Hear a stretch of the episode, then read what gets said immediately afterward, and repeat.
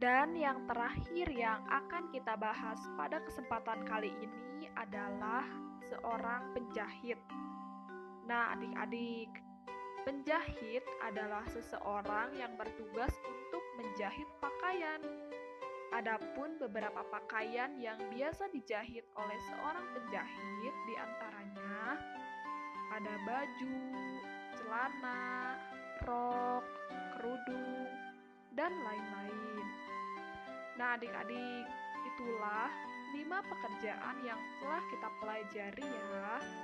Sebenarnya masih sangat banyak jenis-jenis pekerjaan yang lainnya. Nanti adik-adik pelajari jenis-jenis pekerjaan yang lainnya ya. Selamat belajar kembali adik-adik. Sampai jumpa.